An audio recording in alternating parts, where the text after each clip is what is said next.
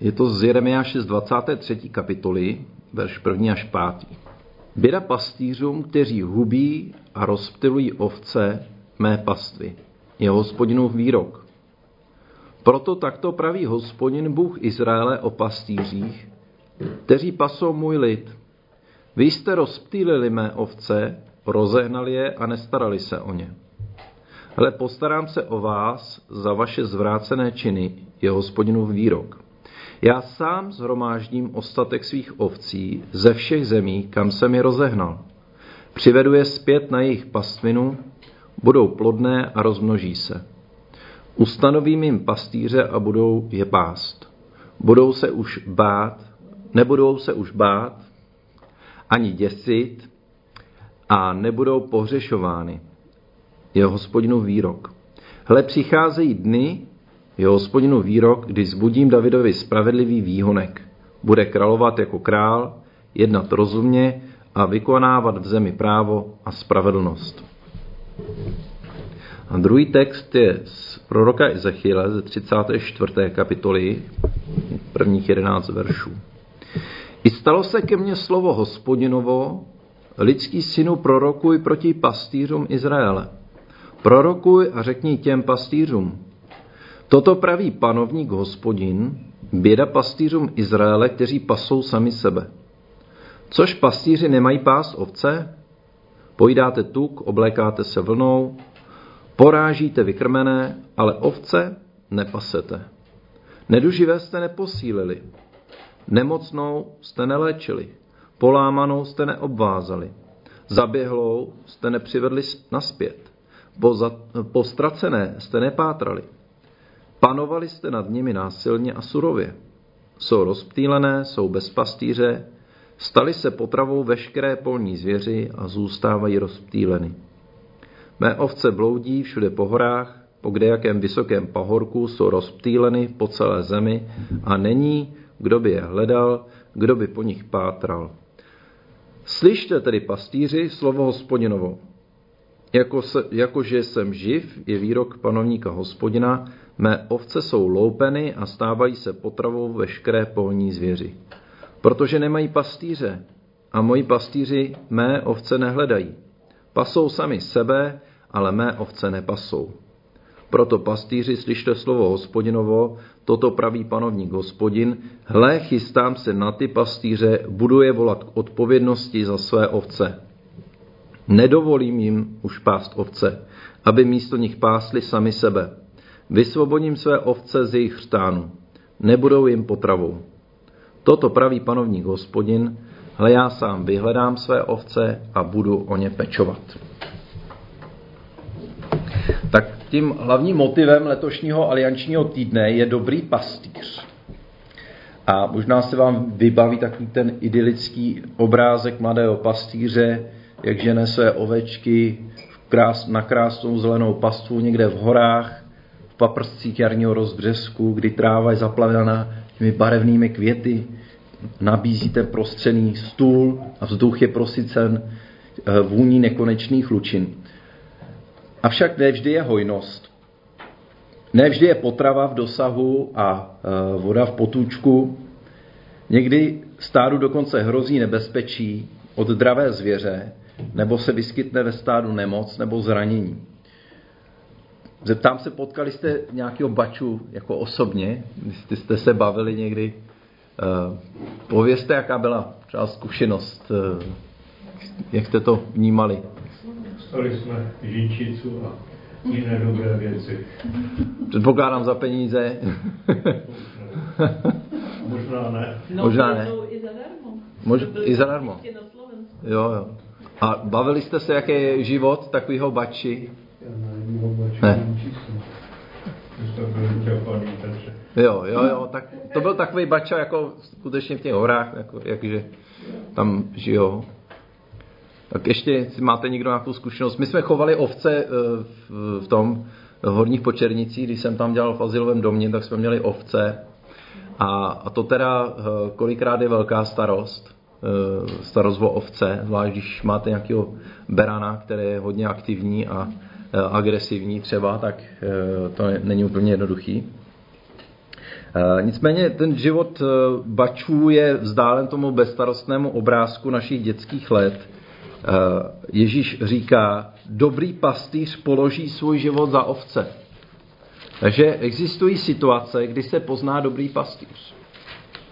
Jsou to chvíle, kdy jde o život nejen ovcím, ale vlastně i samotnému bačovi. A pán Ježíš dodává, tomu, kdo je najat za mzdu, na nich nezáleží. Já jsem dobrý pastýř, znám své ovce a oni znají mne. Tak jako mě zná otec a já znám otce a svůj život dávám za ovce. Když jsem si teď vzpomněl na ty ovečky, jak jsme měli eh, v tom eh, azylovém domě, tak já jsem je neměl přímo na starost, měl je na starost eh, kolega. A bylo zajímavé, že když jsme třeba my přišli s dětma tam a zavolali jsme, tak ovečky se nás bály, tak vždycky zdrali na druhou stranu. Pokud viděli, že nemáme nic v ruce, tak zmizeli. Ale jakmile přišel, přicházel ten Jirka a zavolal holky, holky, tak oni teda se seběhli že už z dálky poznali jeho hlas. I kdyby zavolal odkudkoliv, tak oni by hned přiběhli. A tam jsem si na to vzpomněl, že ovce znají hlas svého pastýře, že poznají prostě toho člověka, který to s nima myslí dobře. Tak eh, to je tak na okraj, eh, že to je ten pastýř, který má rád ty svoje ovečky. Když vznikal ten text eh, proroka Jeremiáše, tak vlastně nás to zavádí do posledních let 6. století, před Kristem. A já se budu trošku snažit, protože jsme na biblické hodině, vám přiblížit vlastně tu chvíli, kdy ten Jeremiáš to psal, snad se mi to trošku podaří. Na Jeruzalém už bylo po několikáté zautočeno a nyní byl v obléhání už 30 měsíců. Byla armáda kolem Jeruzaléma, víte, že to nebylo zase tak velké město, že tam bylo 10 až 20 tisíc lidí, že to nebylo nic extra velkého, eh, o plus minus tak těch pár desítek tisíc lidí. Takže eh, a byly tam hradby teda a eh, naštěstí měli vodu podzemí, takže k vodě se dostali, ale samozřejmě toho jídla ubývalo. A všichni měli v paměti deset let staré obléhání z roku 597, teda počítám, že našeho letopočtu, že samozřejmě oni eh, to nerozlišovali jako my, ale můžete si představit, 10 let na zpátek bylo velké obléhání na Bukadnezarem, ještě se k tomu dostanu. Ale teďkon, teď byla situace jiná, protože teď skutečně uh, šlo o zkázu celého města. A hrozba zkázy nejenom celého města, ale celého judského království. Jak to? Představte si, že jste teda v roce 598, eh, tak si vzpomenete, že to bylo třeba ani ne 20 let, co padlo velké město Ninive, což bylo vlastně uh, jedno z center, z těch nejdůležitějších center Asyrské říše. A judské království žilo stovky let vlastně ve stínu tohoto asyrského království. Ačkoliv to z Bible není úplně tak patrné, ale je to tak, byla obrovská říše, když si vezmete, tak byla od eh, středozemního moře eh, až, až vlastně po Tigris, tak, tak obrovská, vlastně skoro tisíc, tisíc kilometrů, velká říše. Byla tam, eh, no dá se říct, že navazovala neustále skoro uh, eh, 1,5 tisíce let. Jo, to byla dlouholetá jako říše. Jo. V podstatě a dost silná a ekonomicky zdatná a propracovaná uh, byrokracie, organizace, byli tam úředníci, psalo se, možná byste, jsme se všichni dělali, co všechno tenkrát bylo jako dnes, akorát, že se nepoužívaly ty technologie moderní, ale spoustu věcí bylo Eh, eh,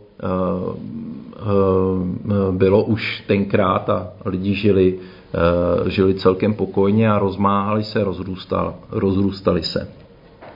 A tohle království bylo nejenom mocné, ale bylo taky docela tolerantní a bylo to vlastně jako, dá se říct, že to byla taková unie, dneska bychom taky řekli, těch různých národů, který měli svoje krále a, a ta, ta Asýrie, ta, ta se starala vlastně o ten klid eh, všech těch království, aby prosperovali. Takže ty boje, co byly, tak byly spíš jenom takový lokální, místní, většinou to byly půdky mezi uh, různýma rodama a tak, o to, kdo bude teda králem a stejnak uh, Asýry nad tím prostě měla ten svůj deštník. Ale samozřejmě v Izraeli to víme, izraelský, izraelský národ nebo království Izraele a Judy zápasilo tedy spíše než o to, aby zápasilo tolik s těma národama kolem sebe, eh, to vždycky vidíme, že to jsou, ono to v Bibli taky čteme, ale ono to zase nebyly tak velký, jako eh, velký, eh, bych řekl, jako války, kde se vyvražďovaly skutečně jako národy, nebo že to byly armády, které měly prostě desítky tisíc lidí, jako když byla velká bitva, tak to byly v podstatě vždycky pár tisíc jako vojáků. A e, tenkrát více starali spíš o to, aby fungovalo náboženství, aby byl zachováván e, kult a aby se lidi vlastně měli dobře. A samozřejmě k tomu patřilo i ta velká konkurence těch asyrských bohů a toho náboženství. Všechno to ale změnila porážka novoasyrské říše v roce 612 v bitvě u Ninive. Víte, že Ninive bylo obrovský taky město s úžasnou Eh, knihovnou. Eh, to je jedna z vlastně z největších jako eh, katastrof jako kulturních, to zničení vlastně té ninivské knihovny, kde se zachovalo vlastně to vědění a, a věda stará vlastně už tisíce let jako předtím. A to víme, že už ty civilizace v té době už byly přes tři tisíce let, takže toho vědění bylo naschromážděno spousta a vlastně se z toho zachovalo uh, vlastně zlomek. Ale i ten zlomek je skutečně nič, ničím hrozně velmi zajímavým teda. Uh, no a když teda uh, padlo Ninive, tak Asýrie se začala hroutit a s ní celá vlastně ta organizační struktura, ekonomika a obrana a e, podle historiků právě tyto otřesy, vlastně 20 let předtím, vedly k tomu, že v několika vlnách způsobily zničení i judského království. To říkám z pohledu historika, samozřejmě z pohledu e, Bible to vnímáme, že, ty, že to, co se odehrálo tam, takhle jakoby logicky, rozumně vidíme, že, nad, že za tím vším byla hospodinova ruka, která prostě vládne, vládne nad dějinami. A k tomu se dostaneme vlastně, i to, to rozpoznal eh, Jeremiáš. Egypt eh, byl znepokojený tou novou hrozbou, eh, která šla od Babylonu, což je teda vlastně Perský záliv, když si to uvědomíme, tak od tam tak vlastně šla vlna těch chaldejců, kteří byli velmi zdatní bojovníci, jak říká Jeremiáš, to jsou jako kobylky, které prostě přijdou, hlava nehlava, všechno sežerou a všechno vyplnějí. A tak se toho vlastně báli eh, i, i ty okolní národy, že ty babyloniani smetou vlastně všechno, že to všechno vydrancujou a, a bude konec vlastně civilizace v té době. Takže možná teď taky takový strach, když to řeknu z Ruska, kdyby to Rusko prostě přešlo přes Ukrajinu a teď by začalo plenit, tak, eh, tak vlastně se zhroutí celá, celá Evropa. Eh, samozřejmě těch strachů takhle v minulosti bylo, mm, bylo hodně, eh, že se něco takového stane a kolikrát se i stalo. Že? To, to víme. A Egypt teda znepokojený tou novou hrozbou, kterou představovali babyloniané, se rozhodl, že půjde Asyrii na pomoc a k tomu ale museli přejít vlastně přes Izrael a to byl ten uh, známý faraon Neko II., který teda se pohyboval přes Judu a naprosto nepochopitelně, pořád já si to nedovedu vysvětlit, uh, v podstatě nevím, báječný král, reformátor, Jošiáš, úžasný vlastně jako Eh, člověk, co se týká, eh, to bychom neměli v Bibli tak, jak ji máme, kdyby nebylo Jošiáše a jeho reformy, eh, tak on se mu postavil do cesty a u Megida se pokusil ty egyptské síly zastavit a, a přišel teda o život, byl zraněn. Koukám, že tady mám mm, chybu, ne Megoda, ale Megida samozřejmě.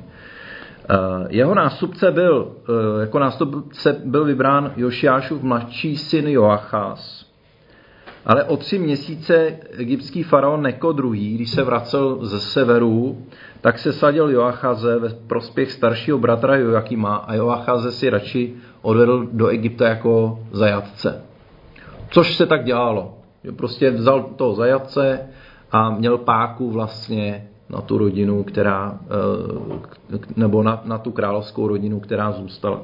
Egyptiané v bitvě u Karkemíše, kdybyste hledali Karkemíš, tak to je na hranici dnešního Turecka a Sýrie, tak v roce 605 eh, dostali egyptiané, egyptiané od Babylonianů za vyučenou a Nabuchodnozor nebo Nabukadnezar II. obrací svoji pozornost Eh, na spírající se Jeruzalém a judské království. Jojakim ale včas obrátil a aby se vyhnul zničení Jeruzaléma, vzdal hold Nabukovi a zaplatil z pokladnice a některými artefakty z, chrám, z chrámu tribut, tedy daň. A Nabukadnezar se s tím spokojil a, eh, a sebou teda odvezl některé z královské rodiny a šlechty jako rukojmí, kdyby náhodou chtěli pomyslet na vzpouru. Takže od tohoto času víme, že byla šlechta e, judská taky v Babyloně.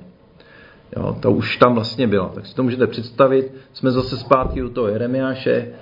Tohle to se odehrálo před deseti lety. Už víte, že část, prostě e, velká část Židů je v Jeruzalémě teda v Jeruzalémě, v Babyloně, tam už fungují, maj, eh, vznikají tam synagogy, scházejí se tam, mají se tam dobře mimochodem, protože Babylon je úrodná země, úžasná, je tam e, spousta vody oproti Judsku, který je docela suchý, funguje tam skvěle zemědělství, e, kultura je tam na vysoké úrovni, ale prostě je to cizí země.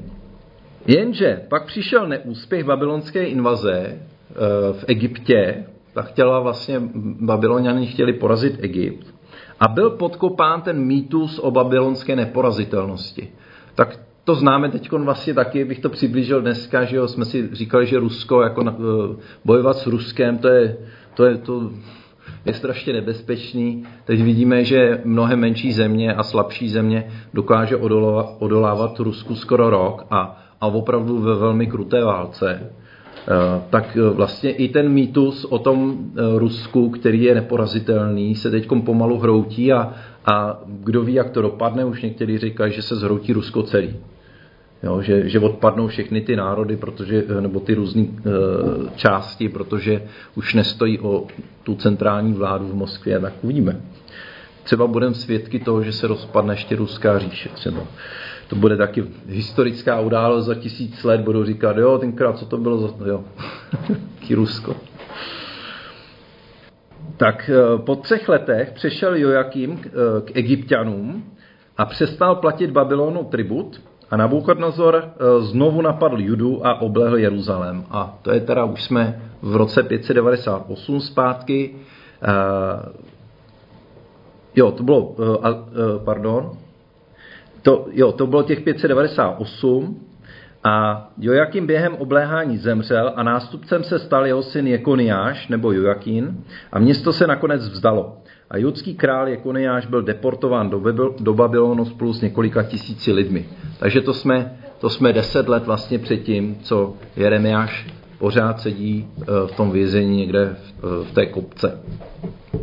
Nabukadnezar ho nahradil jeho strýcem Sitkiášem Tomu bylo něco přes 20 let, byl to mladík, asi 21 letý teda.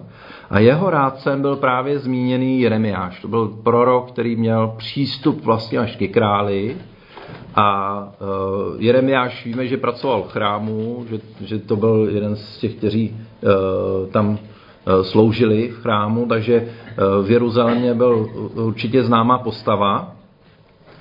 Ale král však odmítl proroka poslouchat a Judsko mělo dál platit babylonskému králi daň, tribut, nicméně přišli egyptiané e, za Sitkiášem. Víte, že z toho Jeruzaléma do, do Egypta to není zas tak daleko, oni tam fungují ty cesty a dá se to v podstatě během několika spíš týdnů e, přejít to, e, tu, tu poušť a takže i tenkrát vlastně eh, ta komunikace byla docela eh, slušná mezi Egyptem a, a, eh, a Jeruzalémem. A ty mu teda slíbili, že, že ho podpoří ve spouře proti Babylonu. A ten se zepřel a přestal platit roční tribut a to byl konec. To bylo to, co vlastně Jeremiáš říkal, eh, nespor, eh, nedělejte spouru či Babylonu, protože ten přijde a všechno zničí. Nabukadnezar tedy přitáhl roku 589 a 30 měsíců město Jeruzalém obléhal.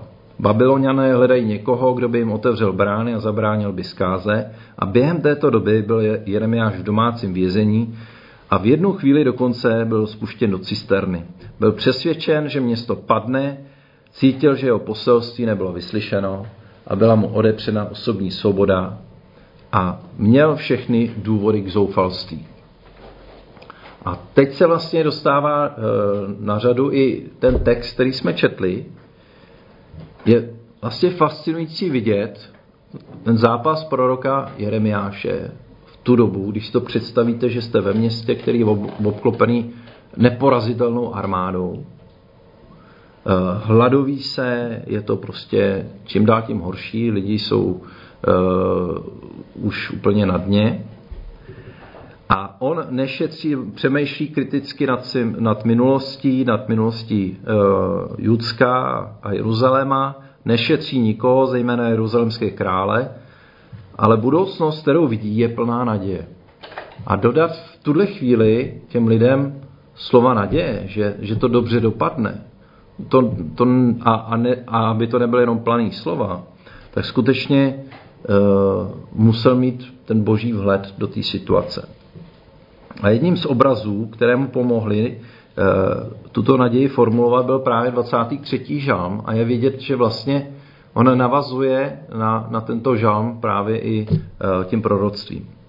Král David svými žalmy ukázal novou jedinečnou cestu s Bohem že, a to, že člověk může být veden osobně s Bohem. Že vlastně my to, co považujeme za přirozený, že se modlíme osobně s Bohem, si povídáme jako naprosto běžně, tak v té době vlastně eh, ten David přichází vlastně s touhle zbožností. A král David svými žalmy ukázal tedy jedinečnou cestu. A Jeremiáš ukázal způsob, tedy cestu, jakou má národ projít přes překážky, eh, přes porážku, přes rozptýlení eh, k vizi obnovy a návratu.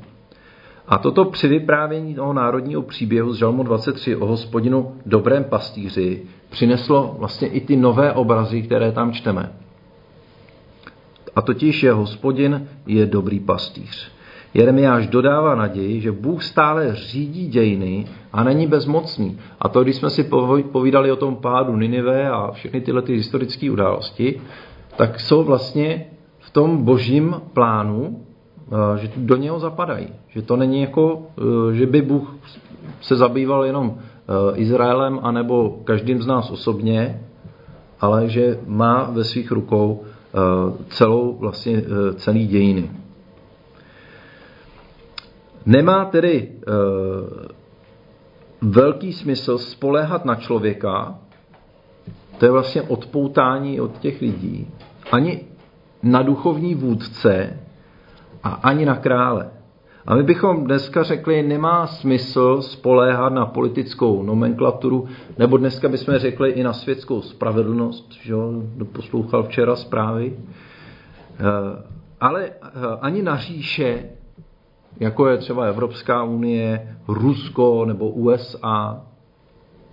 Člověk nemůže spolehat ani na církev, ani na její duchovní vedoucí, Stává se, že určení pastýři stáda selhávají v péči o své ovce jako tehdy. Děje se to pořád i v současné době. A tito bezcení pastýři se nestarali o boží ovce a tak reaguje slovy postarám se o vás a za, e, za vaše zlé skutky. Bůh znovu se stoupí do, do dějin a zhromáždí zbytek svého stáda a přivede je zpět a ustanoví pastýře, kteří je budou pást. To, slovo naděje pro ty Izraelce, nebo respektive pro ty eh, obyvatele Jeruzaléma, eh, kteří tam jsou, že, že, že to nekončí, že to nebude konec, ale že, že Bůh je přivede naspět. Už víme teda, připomínám, že už byli nejenom v Babyloně, ale že už byli rozptýleni i do dalších, do dalších částí a spousta, eh, spousta Izraelců a Judejců uteklo do Egypta, kde se začaly formovat vlastně eh, nový města, kde byla velká část vlastně Židů. Odtud je schromáží a znovu ustanoví pastýře, kteří je budou pást.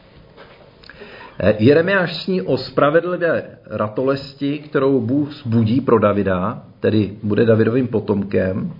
A tento budoucí vládce bude vládnout jako král, bude jednat moudře a vykonávat spravedlnost a právo.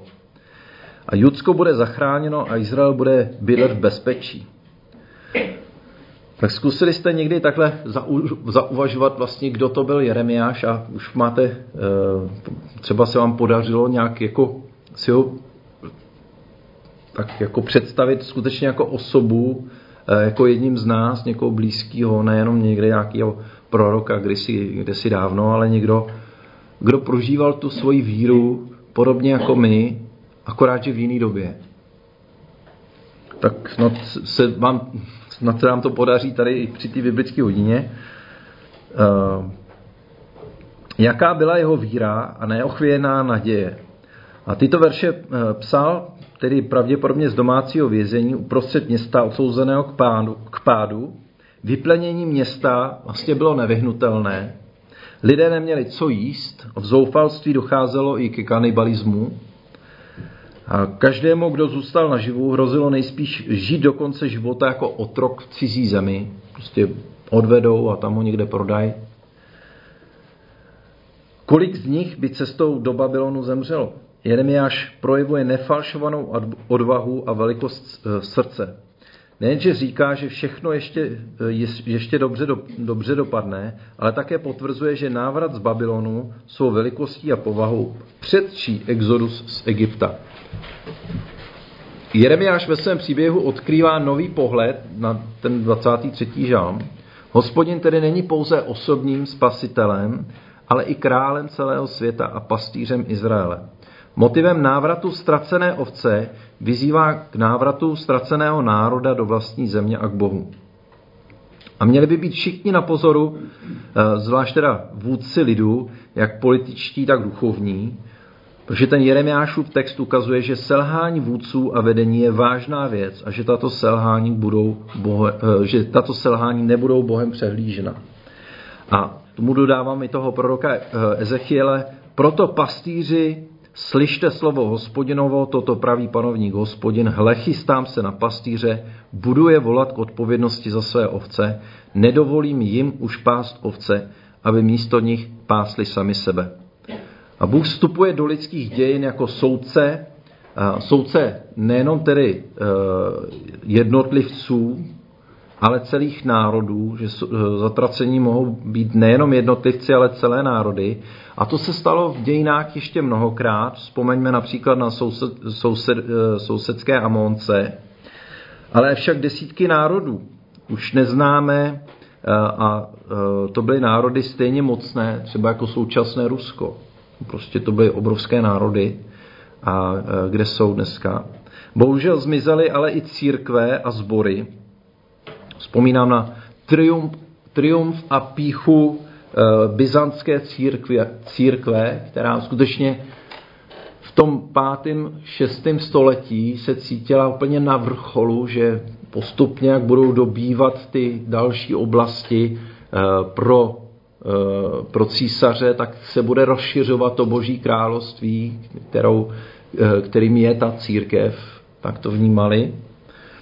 Ale eh, ta, tahle ta pícha a triumfalismus velmi utrpěl porážkou od Arabů v 7. století, nebo respektive v 6. to začalo. A pak poráž, úplnou porážkou vlastně od Osmanů v 15. století, když dobili Konstantinopol, současný Istanbul. Není dokonce tam, kde vládla byzantská eh, církev, neboli, nevím, chci říct i říše tedy, to schválně říkám církev, to je trošku taková jako ironie ode mě, že tam vládla byzantská církev. Mělo by se říct, že vládla Byzantská říše, ale víme, že ta církev si skutečně osobovala právo v té době vládnout. A dneska eh, tato velká území jsou eh, ovládaná muslimy. Závěrem, sbory i církve mohou být ztracené, eh, rozptýlené i zničené, ale boží lid, to boží stádo, to věrné boží stádo chrání hospodin za všech okolností. On je stále ten dobrý pastýř, který provede tím údolím stínu šedé smrti a tak i vyvede toho uh, dobrého pastýře Ježíše Krista. Jak jsme o něm četli v těch proroctví, tak věříme, uh, že skutečně vyvedl Vysvobodím své ovoc, eh, ovce z jejich stánu a nebudou jim potravou, toto praví panovník hospodin, hle já sám vyhledám své ovce a budu o ně pečovat. Církev patří jen jemu, nikoli pastýřům. Církev patří Kristu, eh, ne duchovním nebo někomu z lidí. Ani náš sbor nepatří eh, nikomu z nás, ani, ani staršostvu, ani, komukoliv jinému, ale pouze Kristu a tomu se zodpovídáme. On sám se o ně stará, o nás stará a i tehdy, když pastýři selhávají, uprostřed zkázy naděje neumírá a Jeremiáš potvrzoval tu neochvěrnou naději v budoucnost právě v době, kdy se světem kolem něj řítil do pro, kdy se ten svět řítil do propasti a zkázy, smrti, otroctví a vyhnanství. Skutečnou neochvějnou naději máme pouze v Kristu. A tady se sluší zmínit Židům 12, 13. kapitolu 20 až 21. A Bůh pokoje, který pro krev stvrzující věčnou smlouvu vyvedl z mrtvých velikého pastýře ovcí, našeho Pána Ježíše, nechť vás posílí ve všem dobrém, abyste plnili jeho vůli. On v nás působí to, co se mu líbí skrze Ježíše Krista Jemu buď sláva na věky věků. Amen.